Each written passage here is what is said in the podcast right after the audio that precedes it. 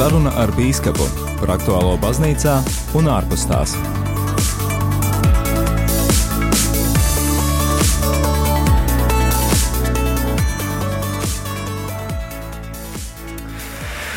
Lai ir slavēts Jēzus Kristus, dārgo klausītāji! Mūžīgi mūžam slavēts!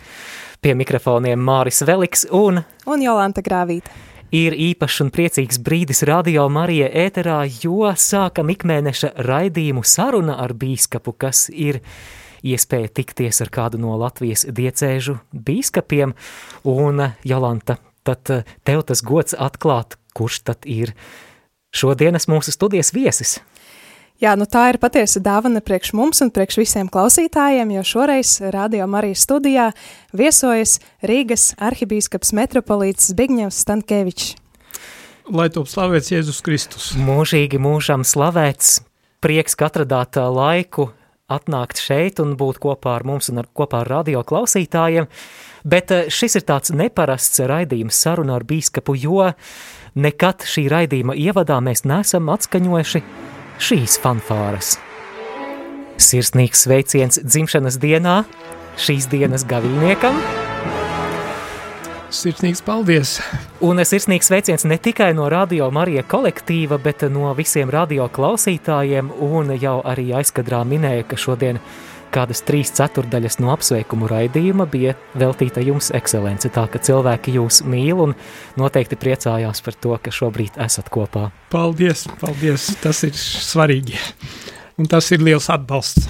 Bet eh, mums ir svarīgas aktuālas tēmas pārunājamas eh, šajā raidījumā. Viens no, raidī, no, no tematiem, kam mēs noteikti pievērsīsimies, ir par ģimenes definīciju, protams, saistībā ar diskusijām par satversmes tiesas spriedumu un arī par ierosinājumu definēt ģimenes jēdzienu satversmē.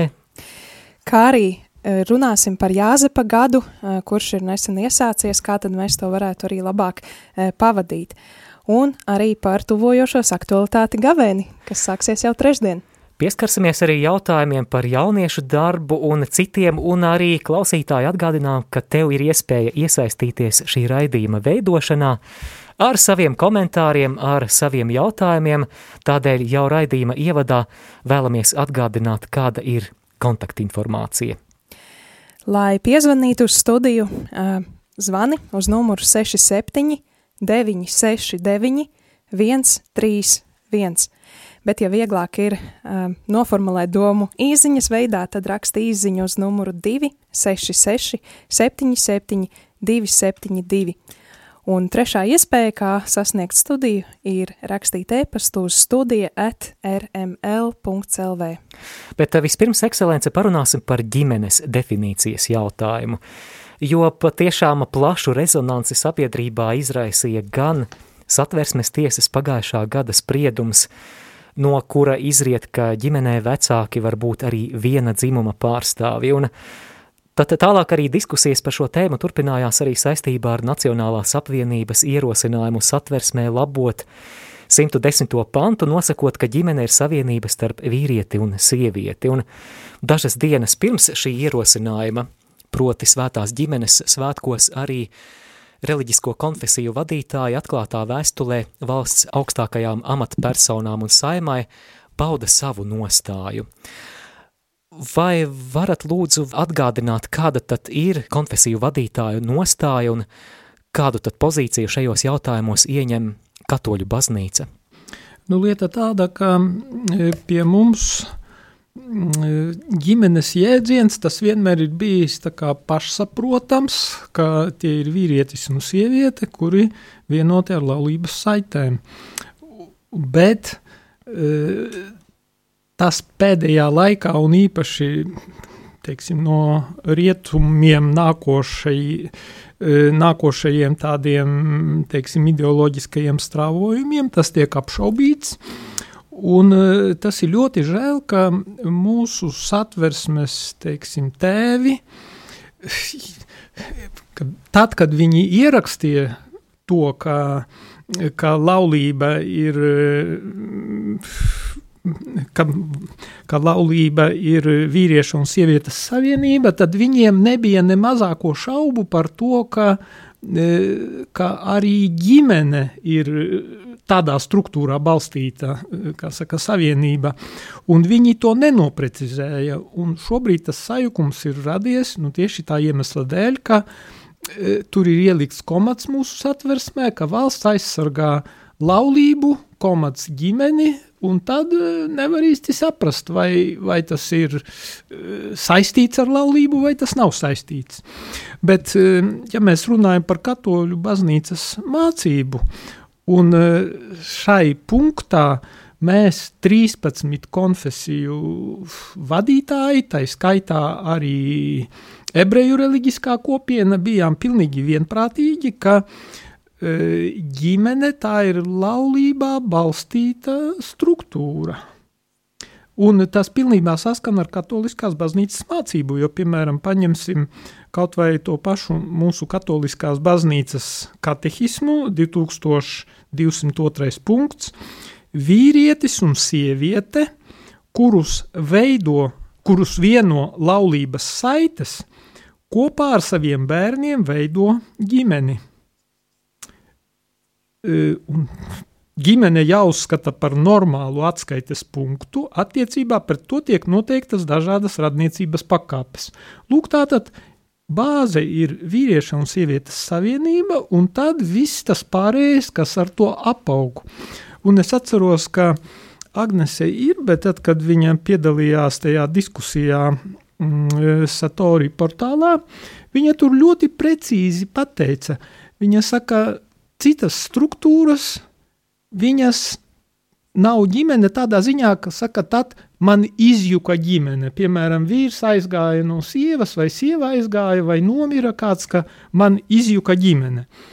Un tas nenozīmē, ka mēs tā kā apstrīdam pārējās, pārējos variantus. Nu, piemēram, var būt tā, ka viens nomirst un māte ar bērnu, vai, piemēram, tēvs paliek ar bērniem, Protams, ka viņiem pienākas arī valsts aizsardzība, viņiem pienākas arī, lai valsts viņu atbalsta, bet, bet tā ir jau, kā saka, cita, tas jau cits gadījums.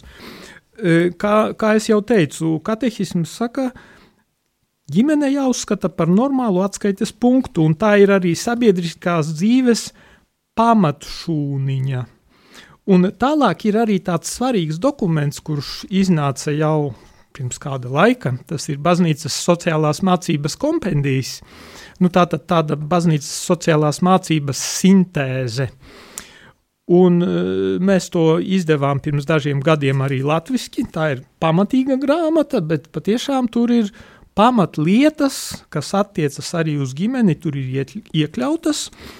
Un uh, tur ir sekojošs formulējums – Svēto rakstu gaismas apgaismota baznīca ģimeni uzskata par pirmo dabisko sabiedrību, kam ir savas atbilstošās un īpašās tiesības un ierāda tai vietu sabiedriskās dzīves centrā. Un tālāk, jo ģimenei, kas dzimst no laulības dzīves un mīlestības dziļās kopības, kuras pamatā ir laulība starp vīrieti un sievieti – Tālāk, ģimene ir dievisks institūts, tā ir cilvēka dzīves pamats un jebkuras sabiedriskās kārtības paraugs. Un tālāk ir interesantas arī frāzes. Bez ģimenēm, kas ir stipras savā kopībā un nelokāmas savā saistību izpildē, tautas novājinās. Jo mēs runājam par tautas, arī par, Latvi, par latviešu tautas, par Latvijas pastāvēšanu ilgtermiņā. Ka, ja ģimene tā kā novājinās, tad eh, arī ilgtermiņā eh, valsts novājinās. Tas ir tāds eh, svarīgs, svarīgs punkts. Un runājot par ģimeni kā vīrieša un sievietes, vai laulību kā vīrieša un sievietes savienību, tad ir tāda ļoti svarīga frāze pēcsinodes apustuliskajā pamudinājumā Amoris Leticija par mīlestību ģimenē. Un tur nu, to pāvests Francisks, tātad pēc sinodas, viņš uzrakstīja šo dokumentu, balstoties pamatā sinodas, teiksim, atziņās. Bet viņš to noformulēja tā – 221. punktā. Viņš saka, iespējams, vislielākā vīrieša un sievietes misija mīlestībā ir savstarpēji palīdzot, kļūt par patiesāku vīrieti un patiesāku sievieti.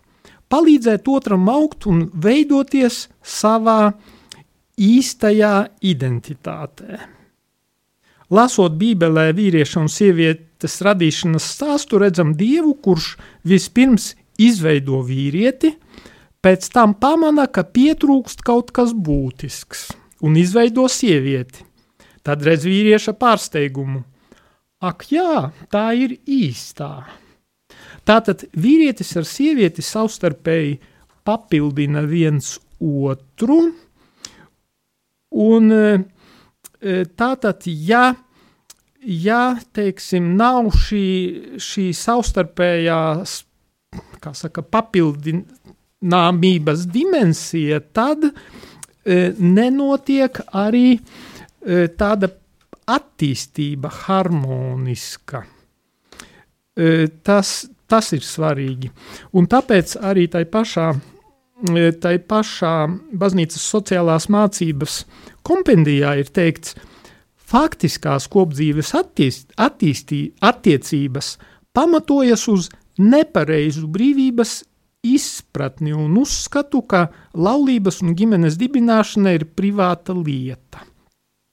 Laulība nav vienkārši kopdzīve uz vienošanās pamata. Es jau teicu, ka laulība ir dievisks institūts, un tai piemīt sabiedriskais aspekts, kas ir unikāls iepratī visām citām e, attiecībām, jo ģimene, rūpēdamās par bērniem un tos audzinādama, ir galvenais instruments, no kura atkarīga ikvienas personas vispārējā izaugsme un sekmīga iekļaušanās sabiedrības dzīvē. Un tāpēc šeit arī par to kompendijas raksta, iespējamā faktiskās kopdzīves juridiskā pielīdzināšana ģimenei diskreditētu ģimenes modeli.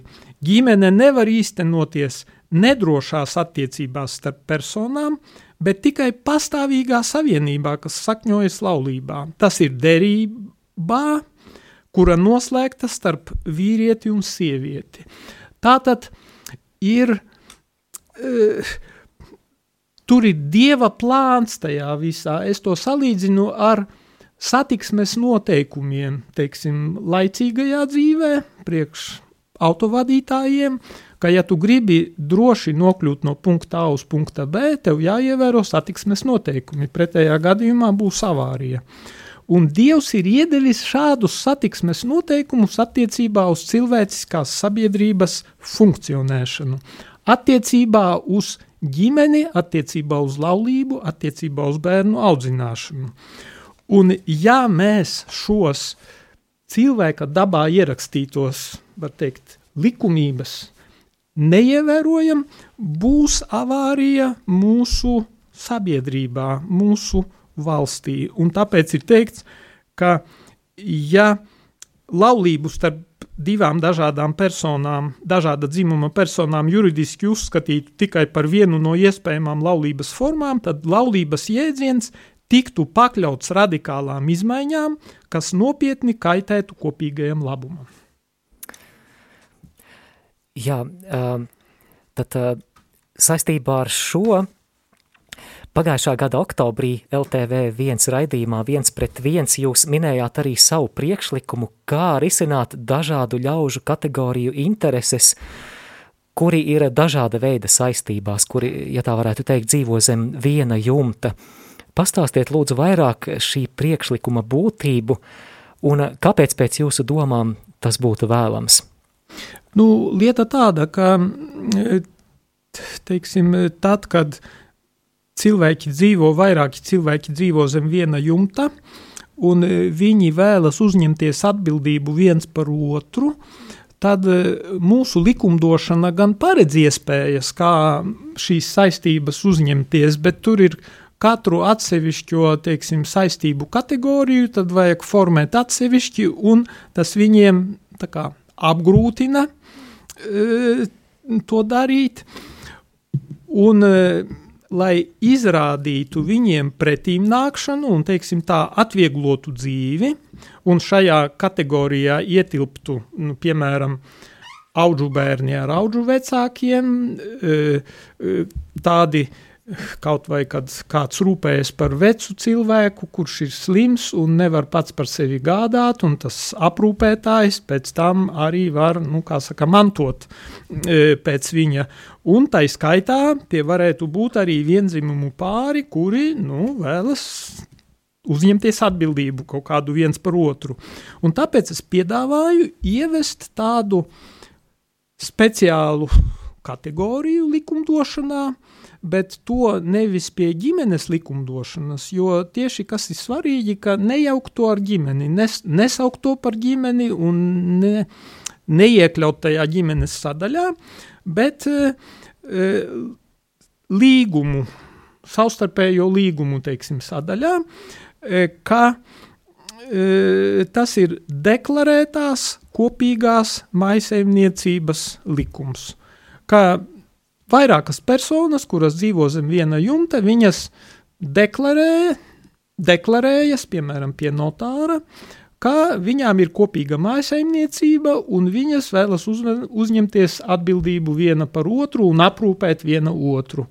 Un tad ģimenes jēdziens netiktu aiztikts un vienkārši arī to cilvēku, nu, kā saka, intereses tiktu ievērotas un viņiem būtu nu, piešķirti zināmi atvieglojumi. Mums ir arī klausītāju jautājums, kurš ir lielā mērā saistīts arī ar nu pat dzirdēto. Tātad jautājums, ekscelence, kā jūsuprāt cilvēkiem, kuriem šāds baznīcas sociālās mācības kompendijs un baznīcas mācība it nemaz nav autoritāte. Kā skaidrot un argumentēt šo ģimenes pamatīdējas būtību? Jo viņiem uh, nav saistošs neviens no šiem dokumentiem, un uh, ir ļaudis, kas stāv tālu no šī visa. Uh, vajadzētu organa, arg, it kā argumentēt saprotamā valodā, nevis tikai atsaucoties es, arī uz kādiem. Es saprotu, tādiem. jā. Šobrīd, tā kā es esmu Radio Marija un rēķinos ar to, ka pamatā ir ticīgu ļaužu auditorija, tad es Tāpēc es argumentēju ar baznīcas dokumentu palīdzību. Nu, jo tas ir katoļu rādio, un tad es izmantoju saka, katoliskās baznīcas dokumentus. Tad, kad es biju raidījumā viens pret viens, un es tur argumentēju citādā veidā, un pēc tam redzēju ierakstus, piemēram, Facebookā, un pie manis griezās, un arī personīgi pie manis griezās, atceros kāds priesteris, e, viņš teica, kā tā, Kāpēc tur ne, nebija nekā par dabīgo likumu? Kāpēc es, vai atkal, kāpēc es neatsaucos uz svētajiem rakstiem? Ar vārdu sakot, kāpēc es neargumentēju reliģiskā valodā? Bet tur es reiķinājos ar to, ka tā bija laicīga pamatā auditorija, un es argumentēju viņiem, var teikt, viņiem saprotamā valodā un viņu līmenī. Es argumentēju atsaucoties uz Latvijas likumdošanu pirmkārt, uh, tātad satversmi, civillikumu, e, atsaucos arī uz Latvijas e, nacionālo enciklopēdiju, kā tur nodefinēta ir ģimene un laulība. Ar vārdu sakot, e, katrai auditorijai vajag piemērot argumentāciju, bet tikai ko es gribu uzsvērt, ka lieta tāda, ka visas šīs argumentācijas, viņas sajiet kopā, jo viņas runā par to pašu realitāti. Jo, kā jau teicu, šīs likumības ir ierakstītas cilvēka dabā, Dievs tās ir ierakstījis, tās ir objektīvi pastāvošas. Un tad, ja cilvēks ir neticīgs, tad jāmēģina viņam palīdzēt ieraudzīt, atsaucoties, nezinu, kaut vai uz socioloģiju un uz, un uz laicīgo, piemēram, likumdošanu vismaz līdzšinēju, jo, jo tā mums ir sakritusi šai jomā ar šo dieva ierakstīto likumību cilvēka dabā.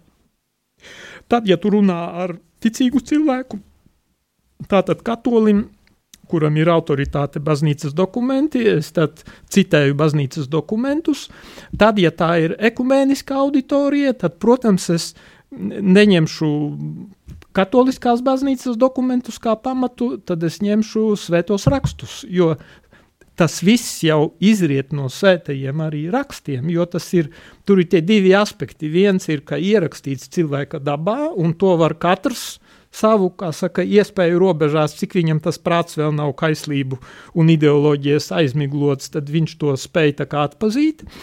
Un atkal ticīgam cilvēkam, kurš ir atvērts dieva atklāsmei, tad viņam dieva atklāsme noliek visu pa vietām. Paldies par atbildi. Sakiet, mums ir arī vēl kāds klausītāja jautājums, un arī manā paziņu lokā ir vairāki cilvēki ar, nu, tā teikt, homoseksuālu noslēci vai tādu ievirzi. Vai Latvijā katoļu baznīca piedāvā pastorālo aprūpi un kādu šiem homoseksuāliem cilvēkiem ko mēs varētu, varam sniegt atbalstu? Nu, Pirmkārt, viņi visi, tā kā arī tajā apustuliskajā pamudinājumā Amoris Leticija, tur ir skaidri un gaiši pateikts, ka, un arī katoliskās baznīcas katehismā tas ir pateikts, ka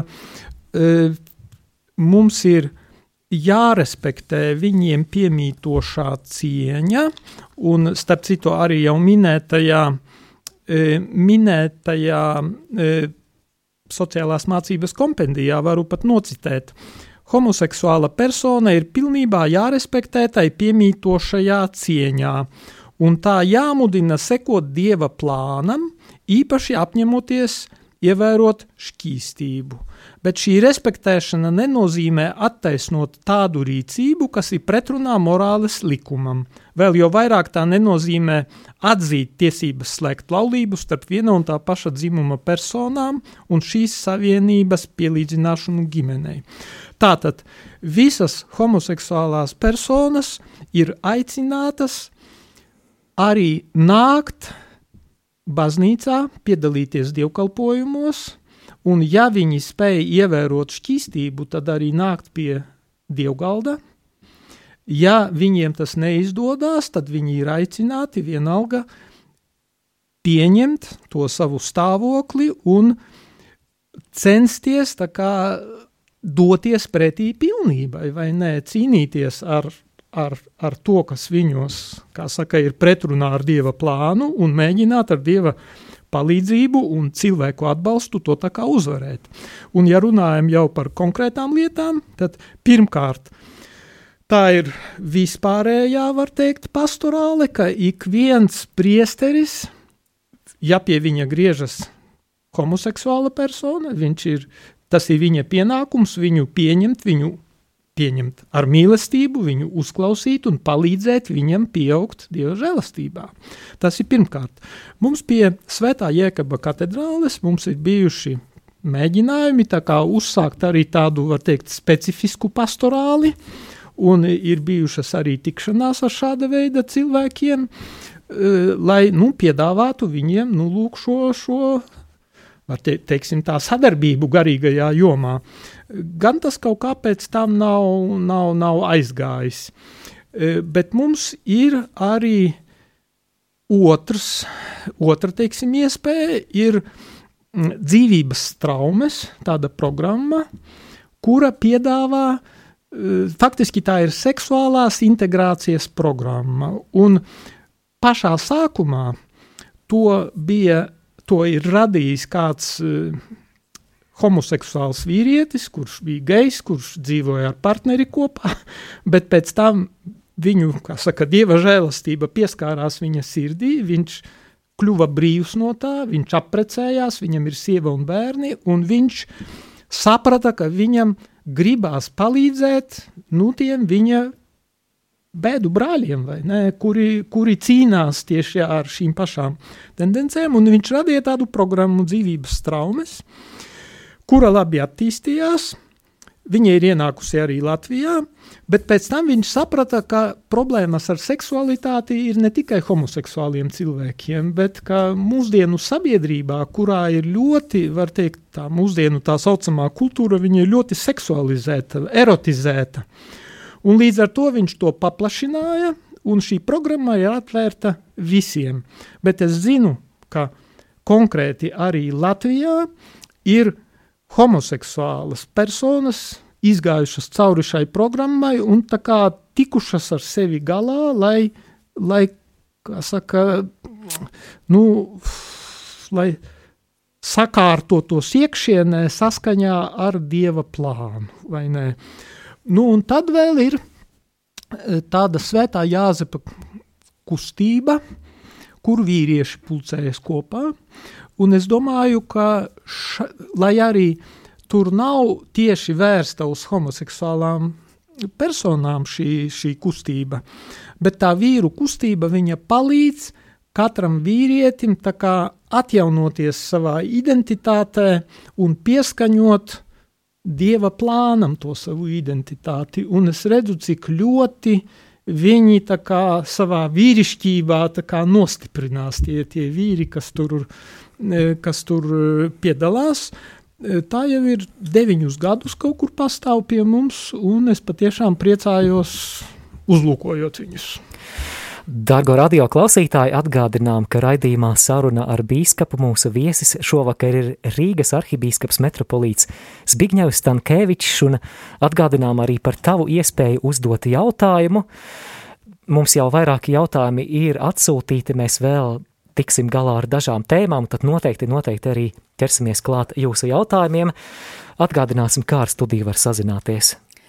Var piezvanīt uz numuru 67 969 131, kā arī atsūtīt īziņu uz numuru 266 77 272.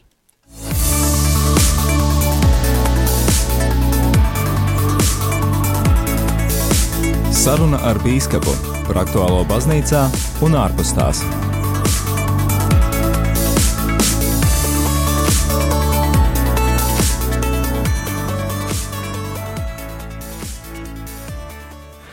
Mums ir pirmais zvans ēterā, lūdzu.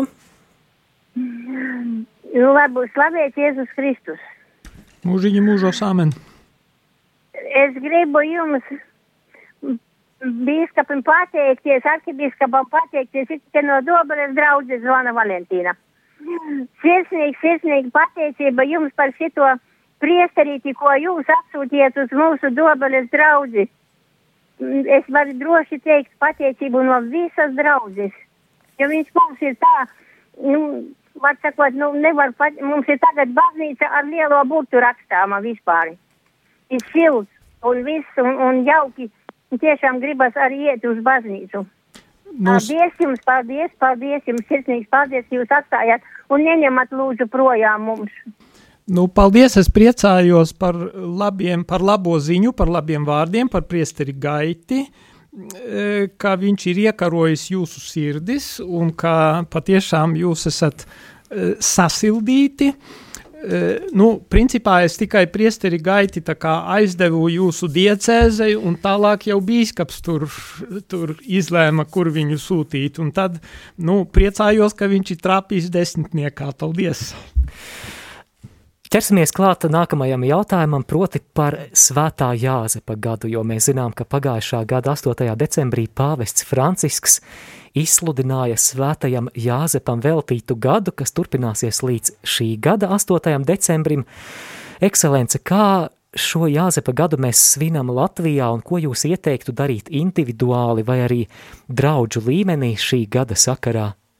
Nu, pirmkārt, es e, ieteiktu pastudēt to dokumentu, kas ir pārtulkots, e, pārtulkots e, arī uz latviešu valodu, kas saucās Patris Korde, jeb ar tēva sirdi, kuru ir uzrakstījis pāvests Francisks, un viņš tur sniedz tādu ļoti labu ievirzi, kā izdzīvot šo, šo svētā Jāzepa gadu. Uh, es te ar pāris nu, domām no turienes gribētu arī padalīties.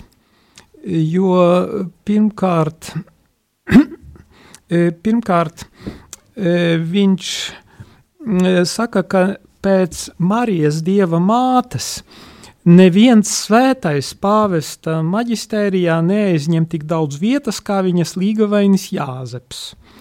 Un interesanti, ka uh, nu, no vienas puses divos evaņģēlijos, tas ir eh, Mateja un Lūkas evaņģēlijā, tie runā par svēto Jāzepu, un interesanti, ka viņi nepārklājas, kā cim redzot, viņi zināja viens par otru jau, tos tekstus, un viņi vienkārši neatkārto to, ko, to, ko otrs ir rakstījis. Un tātad par svēto Jāzepu, ka jau Pīs 9. viņu izsludināja par katoliskās baznīcas aizbildni, un interesanti, ka man bija tas gods būt par pirmo svētā Pija 9. svētīgā Pija 9. vārdā nosaukto e, studentu konventu Romā tieši svētīgā piedevītā, kurš izsludināja svēto Jāzepu tātad par baznīcas aizbildni. Tad Pīs 12. Nu, tas jau viņš bija otrā pasaules kara laikā un pēc tam, viņu stādīja priekšā kā strādnieku aizbildni, un svētais Jānis Pāvils II kā pestītāja aizbildni. Un savukārt cilvēki viņu piesauc kā labas nāves aizbildni. E, Un tātad pavests Francisks runājot par svēto Jāzepu, viņš vērš uzmanību uz to, ka svētais Jāzeps palīdz mums ieraudzīt uh, to svarīgumu, kas ir tiem cilvēkiem, kuri neduras acīs. Jo svētais Jāzeps, nu, evaņģēlijos viņš ir lielais klusējošais, jo nav pierakstīts neviens vārds bet viņš ir rīcības cilvēks, viņš ir izlēmīgs, viņš ir paklausīgs Dievam, un interesanti, ka Dievs uz viņu runā caur sapņiem, sapnī viņa eņģelis tā kā atklāja, un tad viņš ne brīdi nevilcinoties tā kā ceļās, un interesanti, ka Marija viņu klausa. Viņš nebija zem sievas tupeles. Viņš bija tas, kurš pieņēma lēmumus. Marija bez iebilduma tūlīt dariet, saka, ko viņš, ko viņš, bija, e, ko viņš bija izlēmis. Tātad viņš bija drosmīgs, viņš bija pazemīgs, viņš neuzmācās ar savu klātbūtni, ar savām pamācībām, uh, Un e, pavests Francisks, tātad atgriežoties pie tās domas par tiem it kā necilajiem cilvēkiem, viņš saka, pandēmijas pēdējos mēnešos mēs varam redzēt, ka mūsu dzīves tiek vienkāršu cilvēku austas un atbalstītas, visbiežāk aizmirstu, kuri neparādās avīžu un žurnālu virsrakstos. Vai uz šīs pēdējās izrādes lielās skatuves – bet viņi raksta izšķirošus notikumus mūsu šodienas vēstures lapusēs. Tie ir ārsti, medmāsas, sanitāri, lielveikalu darbinieki, apkopējas, aprūpētāji, kravas automašīnu šoferi, likumsargi, brīvprātīgie, priesteri, mūķenes un daudzi citi, kas sapratuši, ka neviens pats nevar izglābties. nu, lūk, tātad tas, ka mēs esam pateicību parādā šodien tiem necilajiem, kuriem varbūt agrāk neesam pievērsuši uzmanību, bet kuri nodrošina mūsu sabiedrības vispār tālāku funkcionēšanu un bieži vien pakļaujot sevi riskam, jo viņi ir tajā pirmajā frontes līnijā. Tā ka viens Jāzepa gada, teiksim, impulss no, arī no tā pāvesta teiktā, kas izriet, nu, pienākas pateicība viņiem, pienākas, lai mēs viņus tā kā novērtējam, lai mēs pasakam viņiem labu vārdu, tā kā atzinības vārdu, lai mēs arī lūdzamies par viņiem. Starp citu, tad, kad mums bija uh, lūkšanu nedēļa ekumēniskā izsludināta, kur bija trīs lūkšanu varianti, uh, kur, nu, lai, kur mēs lūdzāmies, lai Dievs pasargā mūs no tās pandēmijas. E, tur bija arī par, par lūk šiem visiem, kas nodrošina sabiedrības funkcionēšanu, iekļautas tās lūkšanas. Tātad, ka tie it kā nepamanītie, bet kuri vienlaicīgi, kā, e, kā pāvests raksta, ik viens var atrast svētajā Jāzepā vīrā, kurš iet garām nepamanīts, ikdienas klātbūtnes cilvēkā, diskrētu un apslēptu aizbildni, palīgu un pavadoni grūtos brīžos. Svētais Jāzeps mums atgādina, ka visiem tiem, kuri šķietami ir nemanāmi vai atrodas otrajā līnijā, ir unikāla, aktīva daļa pestīšanas vēsturē. Viņi visi ir pelnījuši pateicības vārdu. Lūk, otrā līnija - svarīga. Visi tie, kuri varbūt domāja, nu jā, nu ko tur var būt bīskapi, prezidenti, ministri, tur ģenerāļi, tur tie ir tie svarīgie. Nē, svētais Jāzeps, viņš bija otrajā līnijā, bet bez viņa Jēzus nebūtu varējis nedz izdzīvot, ja viņš nebūtu uz Eģipti ātri, izlēmīgi aiz, aizbēdzis prom un nebūtu varējis uzaugt, vai ne, normāli. Tā, ka tas ir svarīgi, otrā, otrā līnijas, tā kā otrā ešelona cilvēki, un tad vēl ir viens tāds ļoti svarīgs moments, par ko pāvests runā. Viņš saka, pestīšanas vēsture piepildās cerībā pretēji cerībai, caur mūsu vājībām. Viņš raksta, pārāk bieži mēs domājam, ka Dievs paļaujas tikai uz to, kas mūsos ir labs un uzvarošs lai gan patiesībā lielākā daļa viņa plānu tiek realizēti caur mūsu vājībām un neskatoties uz tām. E, ka viņš saka, tā ir pestīšanas ekonomijas perspektīva, ka tad mums jāiemācās pieņemt savu vājumu ar dziļu maigumu. Ka ļaunais liek mums paskatīties uz savu trauslumu ar negatīvu spriedumu, nu, tātad ar tādu notiesāšanu, ka mēs, o, nu, tad tu nekam nedari, tu vērtības apziņa tev tūlīt, kā saka, iet uz leju. Bet pavests saka, savukārt, savukārt gars to maigi izceļ dienas gaismā. Maigums ir labākais veids, kā pieskarsties tam, kas mūsos ir trausls. trausls. Rādīšana ar pirkstu un notiesāšana, kurus izmantojam attiecībā pret citiem, ļoti bieži liecina par nespēju pieņemt savu vājumu un trauslumu. Un tikai maigums mūs izglābs no vēlmes apsūdzēt. Paradoxālā kārtā pāvests saka, pat ļaunais var mums pateikt patiesību, bet viņš to dara, lai mūs notiesātu. Mēs Jā, šis... zinām, ka patiesība, kas nāk no Dieva, mūs nenosoda, bet pieņem apskauj atbalsta, piedod, līdzīgi kā žēlsirdīgais tēvs pret to pazudušo dēlu. Paldies, ekscelence, ļoti vērtīgs ieskats dokumentā Patris Korde, un mēs noteikti vēl varētu turpināt arī, jo mēs nesam izsmēluši visas tēmas, kas tur ir aplūkotas, bet varbūt tā, lai mēs tiktu galā arī ar klausītāju jautājumiem eh, par Latvijas kontekstu, kā, kā tieši Latvijas draudzēs jūs ieteikt un arī individuālā līmenī tad šo Jāzepa gadu pavadīt. Jā, nu, ir tāda svētā Jāzepa litānija, kuru, kuru var izmantot. Ir lūkšana svētajam Jāzepam, teiksim, to tādā individuālās dievbības praksē. To var pielietot. Tad skaitās, ka trešdiena ir tāda īpaša svētajam Jāzepam veltīta diena. Var, teiksim, tajā trešdienā izmantot šīs lūkšanas. Tas Mēs tuvākajā laikā plānojam arī kādu, kādu mūsu diecēzē izdot kaut kādas vadlīnijas attiecībā pret e, šo gadu. Par to mēs jau ar priesteru padomi esam apsprieduši šo jautājumu, tā ka te mazliet ir jābruņojas ar pacietību. Bet pagaidām es iesaku patiešām studēt šo dokumentu un šīs divas, e, teikšu, divas vadlīnijas, jo, jo Tagad ir tas pandēmijas laiks, tā visa izolācija. Mēs tā kā sākuši baidīties viens no otra un ieslēgties tā kā sevī.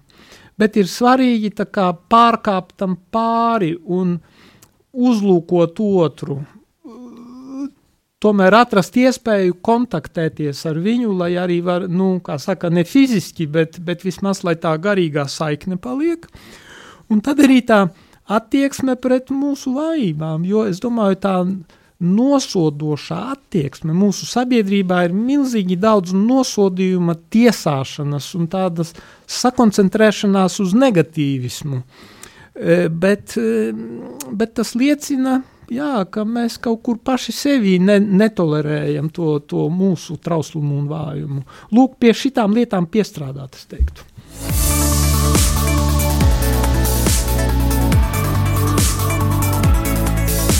Saruna ar Bīskapu par aktuālo baznīcā un ārpus tās.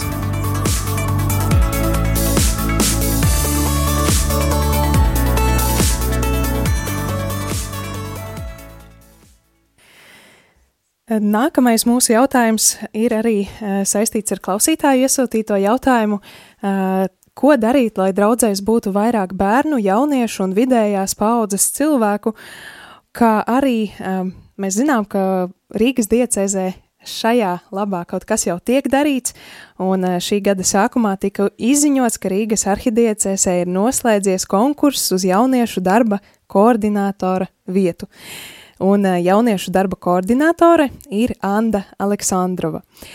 Jautājums, kāpēc eh, diecēzes struktūrās ir vajadzīgs šāds darbinieks, kas strādā ar jauniešiem un kas ietilpst koordinātoras pienākos, pienākumos un kādi tad ir šie mērķi? Nu, pirms atbildēt patiešo uz jautājumu, gribu izteikt pateicību. Pirmkārt e, darba grupai, kas sagatavoja vadlīnijas darbam ar jauniešiem, kas tur ap 30 cilvēkiem ņēma dalību, gan e, pamatā, principā tie bija lai, tur bija arī priesteri, bet lai konsekrētie, uh, Un eh, tad, protams, arī mūsu atbalstītājiem no Vācijas, kuri piešķīra uz diviem gadiem nu, teiksim, atbalstu projektam par eh, jauniešu darba koordinātoru. Jo jaunieši tā ir mūsu nākotne. Ja jauniešu nav baznīcā, tad faktiski iztrūkt viena dimensija, jo jaunieši Eh, nu, par to arī pāvestī ir runājuši, un tāpēc eh, arī Jānis Pāvils II aizsāka jauniešu dienas, kuras turpina visi nākošie pāvesti. Un eh, pāvests Francisks, tad, kad bija jauniešu dienas Krakovā, tad viņš teica, ka nesēdiet uz dīvāna, kā saka, neguliet dīvāna, sofa, kā itāliski viņš teica, ka lieniet ārā no tā, nu vai no tā klubkrēsla, e, ka neesat dīgdieņi, bet uzstādiet sev augstus mērķus, to arī Jānis Pāvils II runāja e, jauniešiem. E, jaunieši ienes dinamismu baznīcā, dzīvesprieku, entuziasmu, un uh, ir ārkārtīgi svarīgi, lai, lai viņi būtu draudzēs. Jo, ja nav jauniešu draudzēs, tad tas nozīmē, ka tā draudzene vai tā baznīca, ka viņa ir slima, ka viņā kaut kāds vīrus viņu sāēt, ka kaut kas tur nav kārtībā. Un tāpēc ir ārkārtīgi svarīgi, lai jaunieši arī justos pieņemti draudzē, lai viņiem uh, E, tiktu dota iespēja izpausties ar savu radošumu, ar savu iniciatīvu, ar savu enerģiju, ar savu dzīvesprieku. Jo jaunieši būs tie, kuri vislabāk spēs uzrunāt citus jauniešus, viņi vislabāk saprot viņus. Piemēram, es atceros vienā no draudzēm, tad, kad es vizitēju draugus, redzēju, ka bija daudz bērnu. Un interesanti, kāds tur bija, kā mēs teikt, knifs ka prāvests redzēdams, ka e, tad, kad ir bērni, kad viņi tur skraida pa baznīcu, ka viņus parasti kaunina un mēģina tā kā, nu, vai vispār sūtīt ārā, lai viņi netraucē. Bet viņš izdarīja tādu, teiksim, nu, ne triku, bet, bet izdomāja tā. Viņš bērnus nolika pirmajā rindā. Un viņi jutās svarīgi un centrā novērtēti. Un teiksim, tad, ja viņus stumj laukā, tad viņos ir dumpis, aizvainojums, un viņi kļūst tikai trokšņaināki. Bet tur viņi ļoti labi klusi uzvedās. Un, eh, un tas ir tas, mums vajag to pašu arī ar jauniešiem, dot viņiem vietu.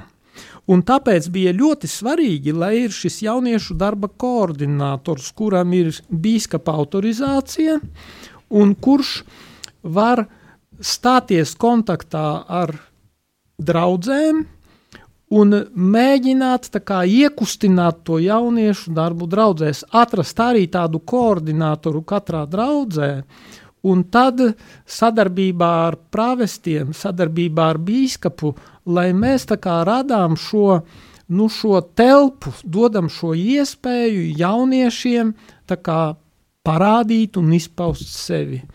Tā ir baznīcas nākotne, tas ir ļoti svarīgi. Nevelti es piedalījos pirms vairākiem gadiem, tā bija pēdējā sinode, pasaules biskupu sinode, kurā piedalījos, un tā bija tieši veltīta jauniešiem. Tas nozīmē, ka tā ir baznīcas prioritāte, un mēs cenšamies to īstenot tādā veidā. Jā, laiks nepielūdzami steidzās uz priekšu. Klausītāju jautājums īziņas veidā. Kāda pēc arhibīskapa domām ir pēdējā interesantākā grāmata, kuru viņš ir lasījis? kā arī šo jautājumu apvienosim ar jautājumu, kas ir arhibīskapa mīļākais rādījuma arī raidījums? Attiecībā par raidījumu man tā sanāk, ka no rītiem, kad es tur mm, tā kā gatavojos dienai un man visbiežāk iznāk paklausīties e, priestara katehēzi, kādu gabaliņu vismaz. Es ar interesi paklausos. Un tad, protams, tad, kad braucu pie stūres, tad es parasti uzreiz uzgriežu radio Mariju un skatos, kas tur ir. Visbiežāk arī pie tā palieku. Nu, dažreiz gadās, ka kaut kas e, paklausos arī kaut ko citu, bet, e, bet faktiski tad, kad man ir brīdis, kad es neesmu nodarbināts ar kaut ko citu, tad es, jā, tad es ieslēdzu radio Mariju ļoti, ļoti bieži, un tad, nu, kāds tur raidījums gadās. Un vai atliek laika grāmatas palasīt, varbūt ir kas labs grāmatas, lasīts? Man bija diezgan ilgs pārtraukums, kad aizņemtības dēļ es tā kā nelasīju grāmatas, bet, eh, bet pēdējos pāris gadus es tomēr esmu sasparojies un esmu atsācis lasīt grāmatas, un pēdējie, teiksim tā, es ar milzīgu uh, interesi un baudījumu esmu izlasījis pāvesta, pāvesta Benedikta e, Jēzus no Nāceretes, un tas bija pēdējais arī tas e, Jēzus bērnība.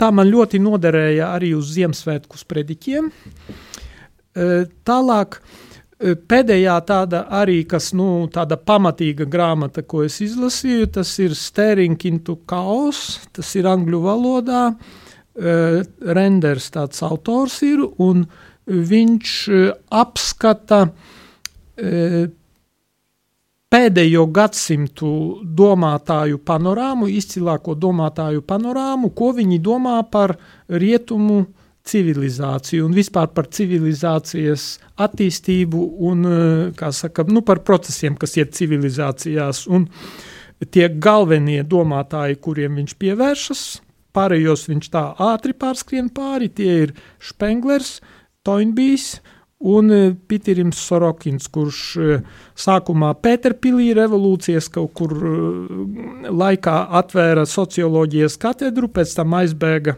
pēc konfliktā ar Leņinu uz ārzemēm un Hārvarda universitātē nodibināja socioloģijas katedru, un viņam bija neierobežotas grantu iespējas – un viņš piesaistīja izcilākos pasaules zinātniekus, lai viņi veiktu tādus pētījumus, kādi viņam bija vajadzīgi. Un viņi visi vienā balsī, teiksim, tie, tie pētnieki saka, mūsu settingi ir tādi aizgājuši, ka mēs esam norietā. Un tagad ir jautājums, kā mums, kā mēs teikt, samenedžēt, tikt galā ar to norietu un kā mums Latvijā iziet cauri tam norietam pēc iespējas, nu, nesāpīgākā un dzīvot spējīgākā veidā.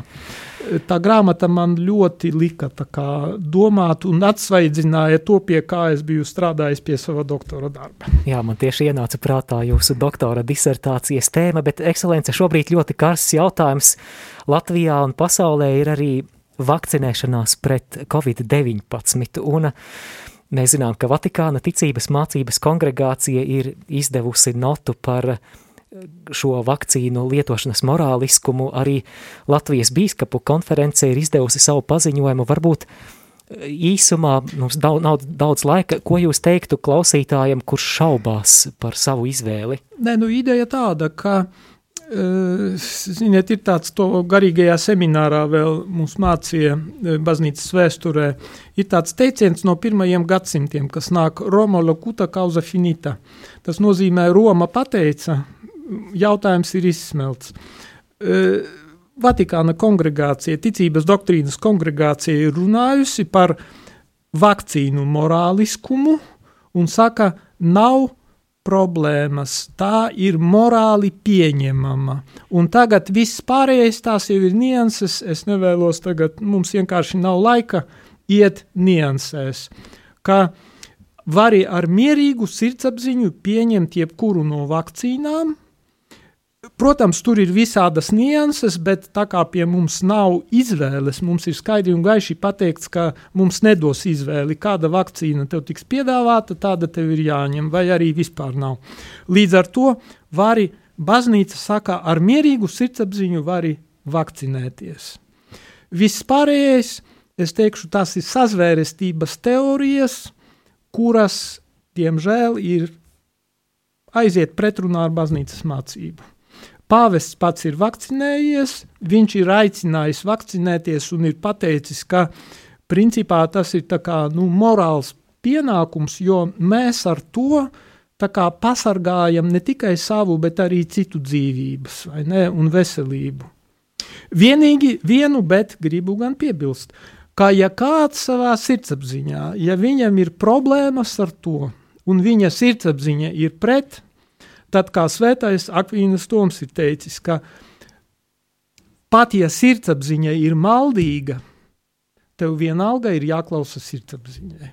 Līdz ar to, ja kāds savā sirdsapziņā kā viņam tur ir kaut kādi savi, nezinu, apsvērumi vai sazvērestības teoriju e, samudžinājuma dēļ vai kaut kādu citu apsvērumu dēļ, viņam tas ir pret viņa sirdsapziņu, tas ir jārespektē, lai viņš dara, kā viņam liek sirdsapziņa. Bet baznīca ir runājusi, vari mierīgi pieņemt un vakcinēties. Paldies par atbildi. Nākamais jautājums, ko iesūtījusi klausītāja, um, daļai saīsināšu, tātad jautājums, kāpēc katoļu baznīcā mēs saņemam tikai svēto sakramenu maizi bez vīna, jo luterāņiem un pareizticīgajiem esot, bet kāpēc katoļiem netiek zem abām zīmēm vienmēr dots? Tur tātad ir bijuši praktiski apsvērumi, jo tad, kad ir tūkstoši nāk pie tas, teiksim, bija ievests arī tad, kad patiešām bija ļoti, ļoti, ļoti daudz to cilvēku baznīcā, un uh, lai necienīgi, nu, lai neizlietu kunga asinis uz zemē, tas bija, tas faktiski, tas bija galvenais apsvērums, uh, bet ja kāds, jo, teiksim, te izskan uh, arguments, ka, nu, jā, nu, tad tu tā kā esi apdalīts, ka, nu, nesaņemot asinis. Uh, Eh, es varu pateikt, jā, ka tā zīme tā kā nav tik izteiksmīga, jo, eh, no, bet tas ir tikai ārēji, bet iekšēji to kāds ir ļoti vienkārši noformulējis. Kur ir miesa, tur ir arī asinis, vai ne? Ja mēs pieņemam kungu zem maizes zīmēm, tad tur ir kungs, tur nav puse Kristus, vai ne? Tu saņem visu pilnību, vai ne?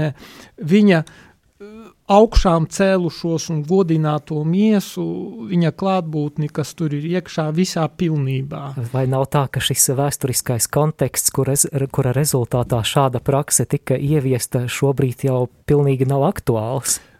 Nu, nē, tomēr, ja paņemam aglonā, ka tur vismaz pirms pandēmijas, ka tur pa 40, 50 tūkstoši cilvēku un lielākā daļa nāk pie dievu galda, nu, nav tik vienkārši.